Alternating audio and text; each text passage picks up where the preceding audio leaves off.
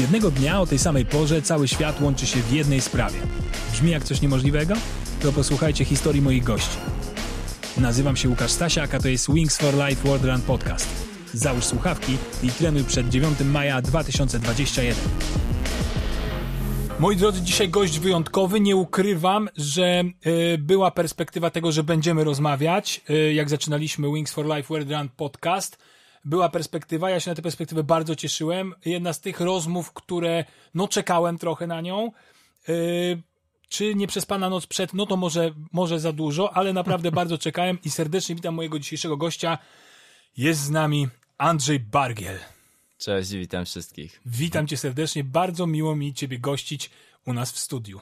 Wszystko dla mnie jest to niepojęte, więc będę zadawał dużo takich pytań, które mogą wydawać ci się, że już ktoś ci je zadał 70 razy, albo, albo że no, czy ja rozmawiam z 16-latkiem, czy ten gość ma więcej lat, ale ja po prostu będę bardzo dociekliwy, bo mnóstwo rzeczy mnie ciekawi i czasem, żeby zaspokoić swoją prywatę, e, prywatną ciekawość, też będę zadawał pytania.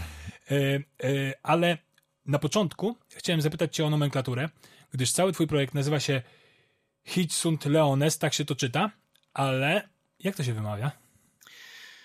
Wymawia się tak, jak się czyta i pisze. Czyli nie ma tutaj jakiejś... nie ma. Nie ma To jest jakiejś... łacińska sentencja, em, która dosłownie oznacza tu są lwy i Rzymianie w dawnych czasach podbijali tereny nieznane, niepodbite na mapach taką pieczęcią. A ja stwierdziłem, że przez tą swoją działalność, przez ten swój projekt będę odkrywał właśnie góry najwyższe narciarsko i, i to będzie jakiś, e, jakiś kawał mojej przygody po prostu, który, który no już ładnych kilka lat się ciągnie. To był krótki wstęp, a ja muszę wrócić do jednej rzeczy, która spędza sens powiek wszystkich Polaków. W pewnym momencie po prostu cały internet zahulał yy, i ja od cie, muszę ci zadać to pytanie, gdyż nie mogę nie zadać. K2 zdobyte z zimą. Czy liczy się z tlenem, czy yy, nie liczy się z tlenem? No to też jest ciekawe, bo my jakby, no, my Polacy wymyśliliśmy tą aktywność niejako, bo w zasadzie w alpinizmie zawsze tą największą wartością było zdobywanie nowych szczytów, robienie trudnych dróg, a my wymyśliliśmy, że będziemy wchodzić w trudnych warunkach po prostu na te szczyty i właśnie zimą. A I to przepiękna historia, jakby gdzieś tam, którą rozpoczął Andrzej Zawada, później Artur Heiser, e, no wskrzesił troszeczkę ten projekt. Więc tu mamy wielu specjalistów w Polsce, szczególnie, że ten temat K2 zimowego od kilku ładnych kilku lat po prostu był jakiś taki Tak. na topie, bo no tutaj właśnie polscy himalaiści próbowali no, zdobyć ten szczyt. Myślę, że jeśli chodzi o style, to tych stylów zawsze było dużo. Najważniejsze jest to, żeby być transparentnym w tym, co się robi i, i wchodzenie przy użyciu tlenu też jest stylem jakby w alpinizmie, w himalaizmie przede wszystkim, bo, bo w tych najwyższych górach się używało od lat tlenu. I jak najbardziej się liczy i trzeba jakby bić brawo Nepalczykom, którzy po prostu no, zrobili mm, coś przełomowego. Przede wszystkim mm, taki symboliczny moment, kiedy oni realizują własny cel, spełniają własne marzenie i to jest e, piękne w tym wszystkim. E, robią to wspólnie i sam będąc na nartach właśnie w trakcie ich ataku szczytowego a trochę im zazdrościłem, bo jakby wiedziałem o tym, że no są dużą ekipą mm, i no na pewno to jest dla nich no niesamowite przeżycie, bo są razem. Ja zjeżdżałem w pojedynkę, więc te emocje były trochę inne, a myślę, że no mają taką przygodę po prostu na całe życie, tak. Jak ty zdobywałeś e, K2, a potem sobie po prostu zjechałeś z niego, z niego na nartach, no tam dyskusji Czy nie to było, zaliczyć, czy nie zaliczyć, ale jakie to jest uczucie i co ty w ogóle sobie tam myślisz na górze? Jak to jest, jak to, nikt chyba z naszych słuchaczy nie jest w stanie sobie tego wyobrazić. No na pewno są skrajne. To jest na tyle długi proces, że od myśli, że wiesz, myślę sobie, że jestem popieszony po prostu, co ja tu robię, po jakiejś chwilę po prostu, kiedy no faktycznie jest pięknie, jakby czuję, że jakby no panuję nad jakimś dużym żywiołem, jakby mam nad tym kontrolę i to nie jest tak, że po prostu walczę o życie i to faktycznie daje też mnóstwo satysfakcji. No musiałem się na pewno koncentrować bardzo, bo musiałem dobiegać tą drogę właściwie, musiałem łączyć kilka w jedną, musiałem też myśleć i planować linię zjazdu też, e, bo, bo to było najważniejsze i, i to też takie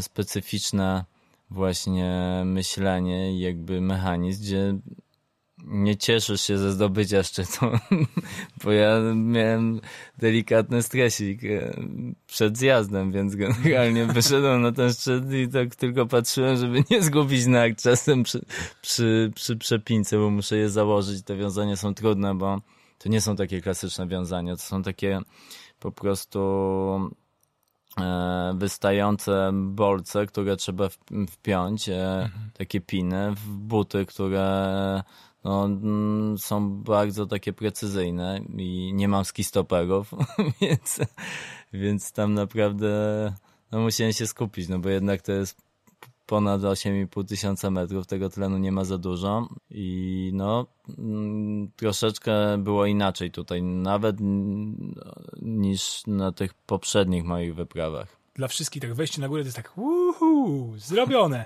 a to jest dopiero połowa twojej misji.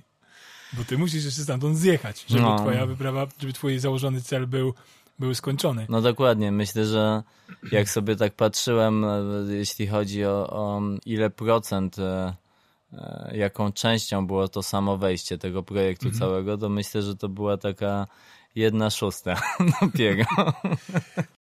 Przed całym atakiem ty spędziłeś noc sam, prawda? Tak. Co wtedy robisz? Nie wiem, Jakieś miałeś filmy na Netflixie ściągnięte, coś, muzyka? Co się wtedy robi? To była pierwsza moja też taka noc na, na tak dużej wysokości. Pierwsza w życiu, w sensie yy, tak. w ogóle.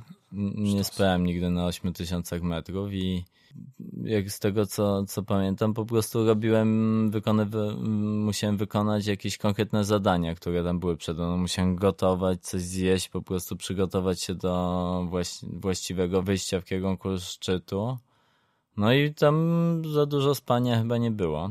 Pamiętam, że jeszcze rano, wcześniej, kiedy wstałem, e, gotowałem i, i zapalił mi się kombinezon, nogawka. I no było coś, co szybko jakby postawiło mnie na nogi. Powstałem taki, byłem po prostu zaspany, a tu nagle bach. Po prostu trzymałem palnik między nogami, między stopami i mm buchnęło pod sufit. A że kombinezon jest z puchu, to, to no tak. się łatwo pali. Jesteś na, na dużej wysokości. Czy masz jakąś, y, jak w samolocie, checklistę taką, że masz rzeczy do zrobienia przed, przed atakiem? Y, że musisz to wypełnić, zrobić i tak dalej? No, nie do końca. Bardziej to jest po prostu gdzieś tam w mojej głowie. No, ale no tych obowiązków jest sporo. Ja przede wszystkim też walczę z chłodem Moje buty właśnie narciarskie, skiturowe są takie delikatnie mówiąc letnie. Letnie. Jak panowie Himalajście widzą, to zawsze się za głowę łapią. że to jest niemożliwe, że w takich butach można tam wejść. Ale się udaje. Muszę je odpowiednio zabezpieczyć. Muszę wkładać do nich jakieś takie podgrzewane wkładki. Na nie nakładać e, neoprenowe takie overbuty które, takie skarpety na zamek, które docieplają mhm. je. No mam tam kilka takich patentów, które no e, nie są takie proste i trzeba po prostu sporo czasu poświęcić, żeby to wszystko przygotować. Szczerze mówiąc, jak się da, to wolę iść z bazy na dole, gdzie mamy dobre warunki, każdy ma swój namiot, tam jest bardziej przyjaźnie, można się dobrze wyspać. Więc e, wolę po prostu wyjść i się zmęczyć bardziej krótkoterminowo niż zaliczać te, te bazy, po, checkpointy. Tak. Mhm. To nie jest tak, że zawsze się uda. Czasem jest tak, że się idzie i, i nie wychodzi. Yy, czy to jest, czy uznajesz to jako porażkę, czy po prostu nieudaną sytuację, trzeba jeszcze raz, czy to jest wkalkulowane w to, jak się nastawiasz na, yy, nastawiasz na to? Tak, no musi być wkalkulowane, nie można tak zero-jedynkowo do tego podchodzić i też warto dostrzegać jakby wartość w tym, że po prostu spędzamy ten czas w górach, jesteśmy ze swoimi kolegami i to jakby jest coś fajnego, to jest jakaś przygoda. Mhm. I nie da się zawsze po prostu w 100% e, założyć, że po prostu mm, dowieziemy ten swój cel i, i go osiągniemy trzeba w momentach, kiedy jest zbyt niebezpiecznie po prostu odpuszczać, bo to koniec końców jest przygoda i te góry tam stoją, można zawsze wrócić. E, I trzeba mieć duży dystans do tego, bo, bo, bo takie zbyt ambitne podejście do, do, do celu e, no, może się po prostu źle skończyć. Słuchaj, a jakie jeszcze sporty uprawiasz tak codziennie, które, yy, które po, prostu, po prostu cię też cieszą? Czy na pewno z takich sportów, które dają mi dużo radości, to, to rower szosowy i enduro. I to jest coś, co naprawdę jest spoko. Lubię pograć piłkę. Piłka to piłka, to zawsze są emocje. Wiadomo. Kibicuję również e, e, piłce i w ogóle no, interesuję się piłką. To też fajny sport, jakby dużo się dzieje. Teraz mamy sukcesy i, i polskie akcenty. To, że, że Robert, Robert Lewandowski no, dostał się na taki top, to też jest jakiś po prostu. To prawda, jest to kosmos, ale jest jakaś drużyna piłkarska, której specjalnie kibicujesz? No tutaj lokalnie to, to Legi. gdzieś od zawsze, od zawsze gdzieś byłem, mimo tego, że nie jestem ze stolicy, jestem z południa, to, to byłem blisko e, Legii. E, zawsze byłem też e, no, dużym e, kibicem Realu i, i, i tak zawsze chyba i, i zostanie to chyba. No, nie planujesz zmian. Nie, nie zmieniam. A ty jak słyszałeś, że Robert Lewandowski może się wybierze do Realu, to serce szybciej zaczęło bić? No na pewno to by było coś wyjątkowego, jakby polski piłkarz był w, w takim klubie. Ale chyba dobrze się wszystko poskładało, bo Skoro wygrywa Ligę Mistrzów, to chyba wszystko jest okej. Okay. Dokładnie A tak. wrócę do tego, co powiedziałeś, czyli do roweru. Bo ten rower jakoś wcześniej się pojawił w twoim życiu, nie? Tak, ja próbowałem jeździć na rowerze, nawet tak bardziej e, zawodniczo, ale niestety to był kosztowny sport i ciągle jest, bo jednak to No nie no, wejście na, wejście na K2 i zjechanie na nartach to rzeczywiście jest taniocha w ale wtedy. Ale wtedy byłem malutki i, i ciężko było ciężko było zorganizować sobie właśnie porządny sprzęt i pamiętam, że ta, ta przygoda się skończyła w momencie, kiedy mój rower po prostu nie wytrzymał obciążeń i musiałem się zająć czymś innym i stąd pewnie zająłem się nartami bardziej, właśnie ski alpinizmem. A pamiętasz pierwsze narty? Tak, pamiętam i te narty były bardzo takie prymitywne. Pierwsze w ogóle były takie, które się nie nadawały do jazdy i chyba po prostu złapały gdzieś wilgoć i to drewno było skorodowane i śruby wypadały z wiązaniami. I co wyszedłem gdzieś, to wiązania wyjeżdżały. Próbowałem to jakoś naprawiać, ale się nie udało i później kupiłem takie narty do skoków narciarskich, które miały cztery takie wcięcia po długości i pamiętam taką ręczną piłą uciąłem te narty, bo miało dwa metry prawie i z tyłu miało z 3 centymetry. No i na takich jeździłem nartach i, i pamiętam, że skoki były jakieś oddawane, skocznie budowaliśmy. O! Mierzenie było, wszystko było jak kurczę na skokach narciarskich. Jaki, Slalomy punkt, jaki punkt K był? Pamiętam, że skakaliśmy nawet po 20 metrów, 21 tam. To już są poważne skoki. No, były poważne. Jeszcze lądowanie było między drzewami.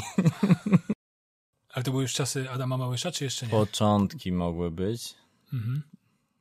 Tuż przed nawet zaczęliśmy, a później to był jeszcze mocniejszy podział do tego, żeby budować coraz większe. No właśnie. Ja miałem tak, że jak w telewizji leciało NBA, no to obejrzałem chwilę i potem od razu mówię, a idę na boisko, bo chcę tak jak oni.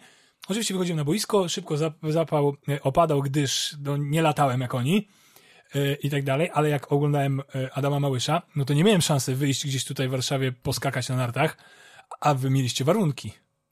No tak, my mieliśmy dobre zimy wtedy, bo pamiętam, że wtedy te zimy były, było dużo śniegu, no i wychodziliśmy rano na narty i wracaliśmy po prostu w momencie, kiedy było się ciemno, więc więc na pewno było mnóstwo czasu na nartach i to było fajne, że, że jednak to dzieciństwo gdzieś tam na wsi w górach e, przy odrobinie kreatywności no było naprawdę ciekawe i, i po prostu się nie nudziliśmy. Ale nie, nie myślałeś nigdy, żeby pójść w skoki?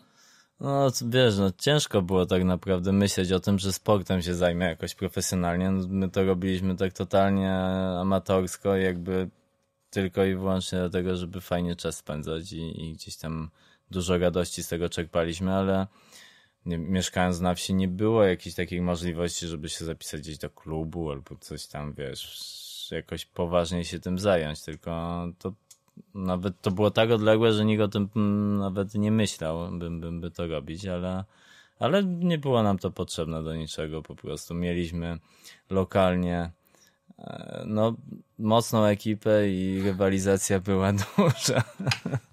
Ale mieliście też sędziów, ktoś dawał noty? Nie, aż tak nie, ale tylko odległość po prostu się liczyła. Po prostu odległość. Czyli styl, telemark, tak, to było nieistotne. co, nie no. Kto poleciał dalej, to był większym kozakiem. Słuchaj, e, wróćmy teraz do, e, do troszeczkę, mm, troszeczkę teraźniejszości. Jak ty się przygotowujesz do tego? Czy to jest taki standard, jak, tak jak przygotowują się alpiniści, yy, himalaiści, ludzie, którzy tylko ich sport polega na wspinaniu, zdobywaniu szczytów? Czy te przygotowania są bardzo złożone i, yy, i rozbudowane? Moje przygotowania wyglądają w ten sposób, że jeżeli no, zbliża się po prostu termin wyprawy. Tak jak przed zawodami muszę się po prostu do tej wyprawy przygotować i są jakieś różne okresy, cykle, w których robię różne rzeczy. Muszę rozwijać się w wielu płaszczyznach, od, nie wiem, budowania wytrzymałości, robienia dużego przewyższenia po, nie wiem, obozy wysokogórskie, po, nie wiem, rozwijanie ciągle umiejętności narciarskich E, i przede wszystkim czytanie też e, i uczenie się warunków w górach, jakby zarządzania ryzykiem, bo ciągle jakby e, no, to jest mm, jedna z najważniejszych rzeczy, bo żeby być samodzielnym muszę po prostu czytać sygnały, które przyroda nam gdzieś tam daje i to no, polega na tym, że po prostu muszę bywać w górach cały czas, żeby po prostu czuć się w tych górach w jakimś takim trudnym, eksponowanym terenie komfortowo. A czy bieganie jest też częścią takich przygotowań? Tak, bieganie jak najbardziej. Ja często biegam gdzieś tylko. U mnie nie, nie istotne jest do końca nieistotna jest odległość i mhm. dystans, tylko przewyższanie. I to jest bardziej wartościowe z mojego punktu widzenia, bo tam w wysokich górach ja nie poruszam się szybko. Jeżeli tam idziesz marszem bez przerwy, to jesteś sprinterem najlepszym.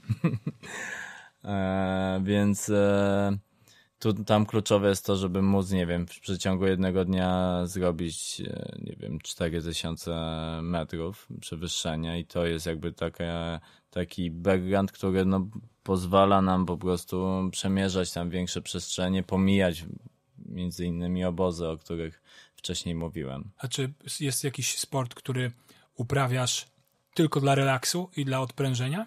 Czy wszystko jest częścią jakiegoś tam przygotowania do, do, do, do twoich wypraw? Czy ja generalnie uprawiam sport dla relaksu i odprężenia, więc...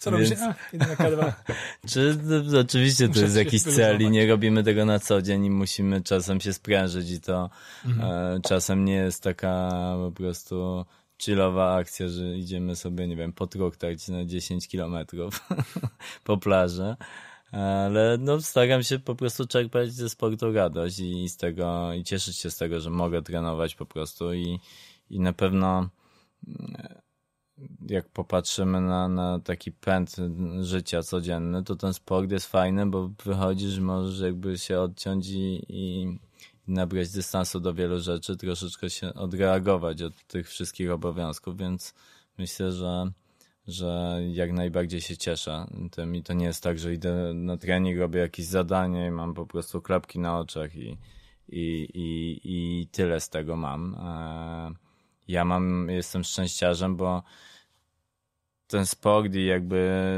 formy aktywności, które gdzieś w pewnym sensie mnie przygotowywują, no są różnorodne i mogę, nie wiem, pobiegać po górach, pojeździć właśnie na rowerze szosowym, mogę pójść na enduro i też porobić jakieś przewyższenia, ciekawe zjazdy i to bardzo też przypomina jazdę na nartach. Mogę pojeździć na nartach, nie wiem, nawet po stoku, freeride, mogę pójść na skiturę, e, więc e, no to są takie aktywności, gdzie no, mamy piękną przyrodę, otoczenie dzikie i to zawsze no, gdzieś tam no, spędzanie w ogóle czasu wśród przyrody no, jest przyjemnością po prostu. Dla normalnego człowieka, pewnie dla 90, no dla wszystkich ludzi na świecie, to co robisz jest absolutnie kosmiczne i wydaje się niemożliwe. Czy dla ciebie są jeszcze jakieś niemożliwe rzeczy? Czy niemożliwe? Na pewno jest wiele trudnych rzeczy do zrobienia. Hmm, czy wszystko jest możliwe, tylko pytanie, no właśnie, czy ktoś chce i czy warto. No tak, czy się opłaca. Dokładnie.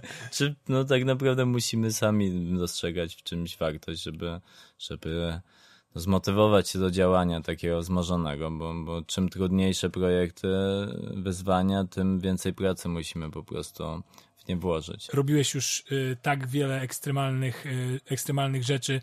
Y, czy coś na przykład cię odstraszyło? Na przykład skakałeś ze spadochronem? Nie. O, widzisz. A chciałbyś? A czy to jest no. niemożliwe, czy możliwe? No myślę, że jest. No na pewno jest wiele rzeczy, których chciałbym spróbować i uważam, że w ogóle taką dużą wartością w życiu jest to, żeby uczyć się nowych rzeczy cały czas i jeżeli czujemy, że się rozwijamy, to zawsze to nasze życie jest ciekawsze i mamy więcej energii.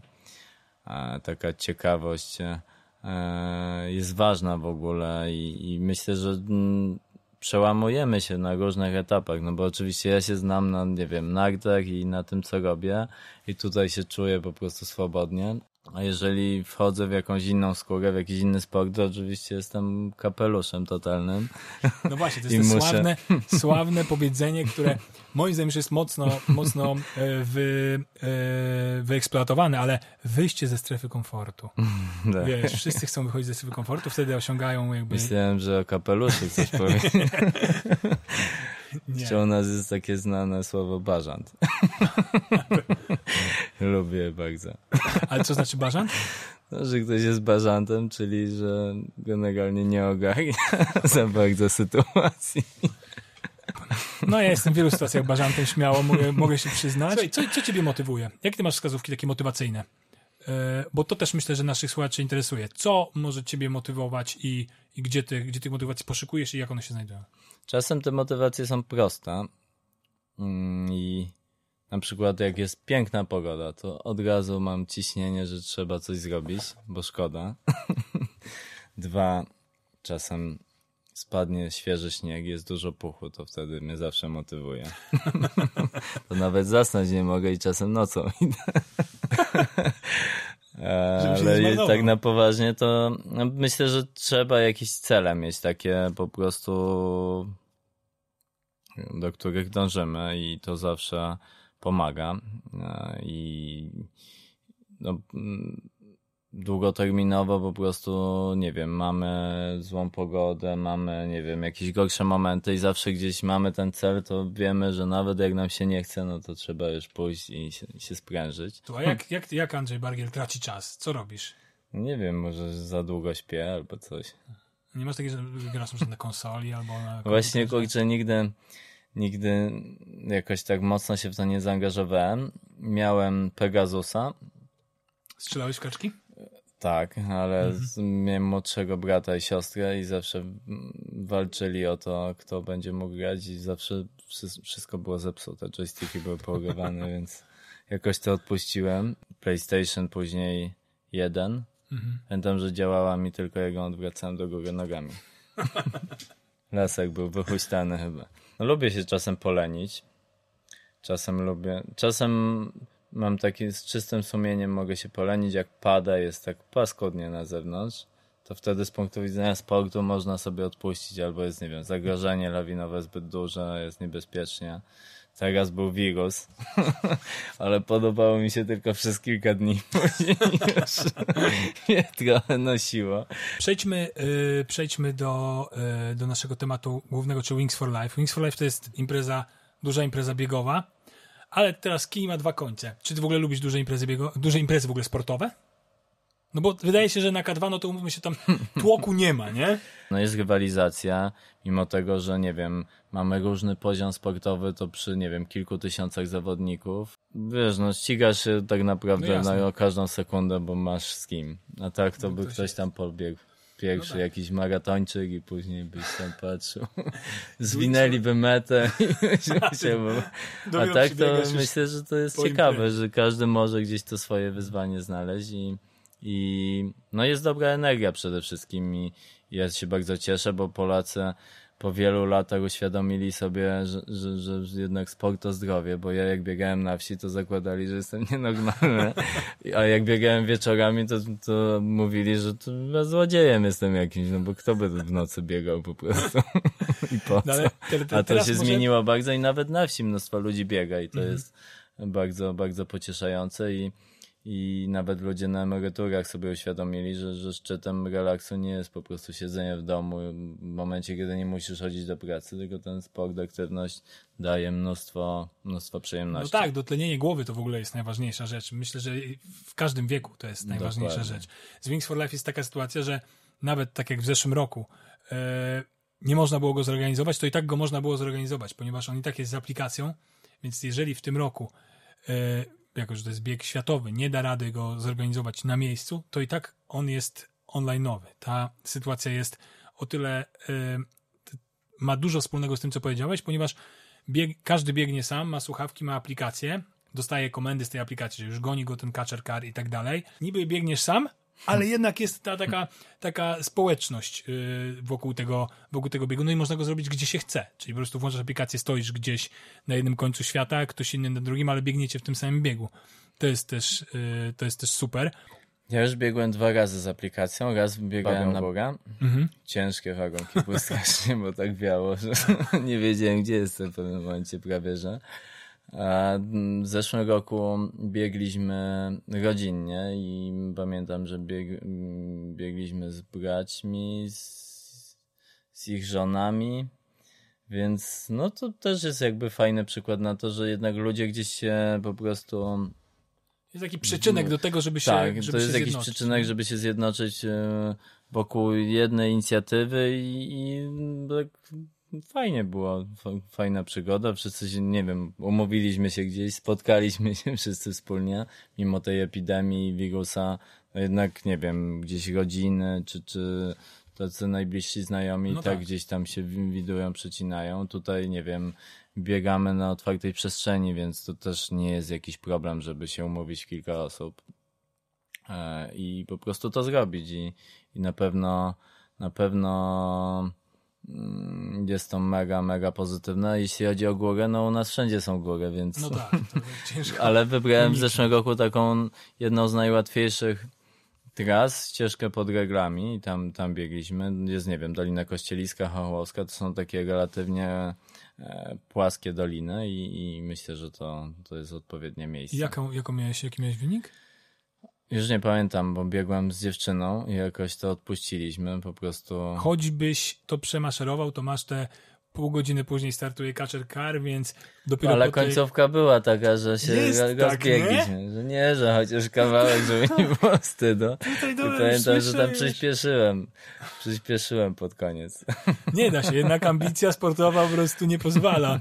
Nie pozwala sprawdzić po prostu, jak długo jestem w stanie uciekać od momentu, kiedy już ten samochód jest. Ale ty w ogóle raczej jesteś gościem, który w takie sytuacje charytatywne y, angażuje się, prawda? Jesteś, masz takie zdanie, że jeden człowiek jest w stanie, jest w stanie zrobić coś, zrobić coś dużego?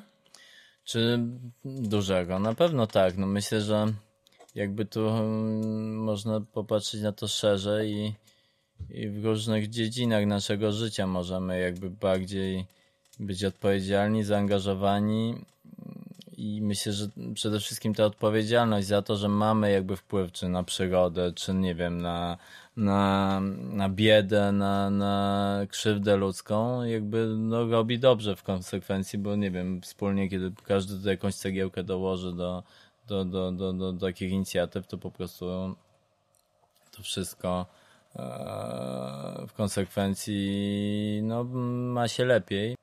Warto też się po prostu dzielić e, jakimś swoim szczęściem i tym, że nie wiem, nam żyje się lepiej po prostu niż innym, to, to oczywiście każde e, może wyjść z założenia, że apetyt rośnie w miarę jedzenia i można chcieć, nie wiem, posiadać więcej i więcej, ale myślę, że to też do niczego nie prowadzi i, i też myślę, że, że, że taką jedną z fajniejszych rzeczy jest, nie wiem, e, dostrzeżenie, nie wiem, uśmiechu na twarzy człowieka, który tej pomocy potrzebuje i przez ten nasz jakiś drobny gest po prostu e, no, mu fizycznie pomagamy i, i ten ktoś ma po prostu e, ma się lepiej, ma, nie wiem, jakiś rozwiązany problem, który po prostu dzięki któremu może jakby odetchnąć z ulgą, czy, czy, czy nie wiem, może się poprawić jego samopoczucie, może nie wiem, tak jak tutaj w tej inicjatywie jest to bezpośrednio związane ze zdrowiem, jakby z walką o to, żeby wrócić do normalności i myślę, że jak najbardziej warto i, i, i no, ja staram się jak tylko mogę po prostu e, również pomagać. Piękne to zdanie mamy na koniec. Ja już słyszę. Zdanie 10, 10 razy złożone. Ale bardzo Ja tak przeciągam trochę niestety, tak czasem się gdzieś, wiesz, gubię. Bardzo ładnie. Ja słyszę dźwięk kaczerkara w e, słuchawkach, zatem musimy powoli kończyć. Na koniec mam do ciebie dwie niespodzianki. Pierwsza niespodzianka to pytanie od mojego poprzedniego gościa do ciebie. Pytanie bardzo otwarte, e, a pochodzi ono prosto od Filipa Heisera. Czyli w 2021 roku najbardziej chciałbym, Hmm. Początek roku jeszcze, nie wiem co będę chciał. nie, myślę, że chciałbym, żeby wszystko wróciło do normy, żebyśmy mogli się spotykać, żebyśmy mogli po prostu normalnie żyć i żeby bo, bo jeżeli to wszystko wróci do normalności, to każdy będzie mógł sobie realizować tam swoje rzeczy, które gdzieś tam E, robi, którymi się zajmuje i to chyba jest najważniejsze, bo tak jak e, e, no patrzymy nawet na sam bieg Wings for Life, no też mamy, też są pewne ograniczenia i trzeba wszystko zmieniać, a jednak warto się spotykać, warto warto po prostu dbać o jakieś takie relacje i budować, bo tak to troszeczkę się robi smutno w życiu. Tak jest. Myślę, że wiele osób by tak dokończyło właśnie to zdanie. dziękuję Ci bardzo. A moja druga niespodzianka dla ciebie to taka, że możesz ty zadać pytanie mojemu następnemu gościowi, którym będzie Asia Jóźwik. O, to ja chciałbym zadać pytanie Asi Jóźwik takie i to jest ciekawe, bo, bo ja to wiem, ale dla wielu to może być ciekawe. Ile najwięcej kilometrów przebiegła w życiu na jednym treningu? Jaki był najdłuższy bieg Asi Jóźwik? Zapytam o to ją chętnie, też jestem ciekaw, jestem ciekaw odpowiedzi. To już e, koniec naszego, e, naszego dzisiejszego spotkania. Wam bardzo dziękuję za to, że byliście z nami. Tobie bardzo dziękuję, Andrzeju, za wizytę. Za chwilę możecie się przełączyć na playlistę, e, która, którą przygotował Andrzej, abyście mogli posłuchać utworów rekomendowanych do treningu, do biegania przez niego. Zapraszamy do słuchania kolejnych podcastów. Dziękuję Ci bardzo i dziękuję Wam. Dzięki wielkie. Do zobaczenia. Dzięki, do zobaczenia, do usłyszenia. Hej!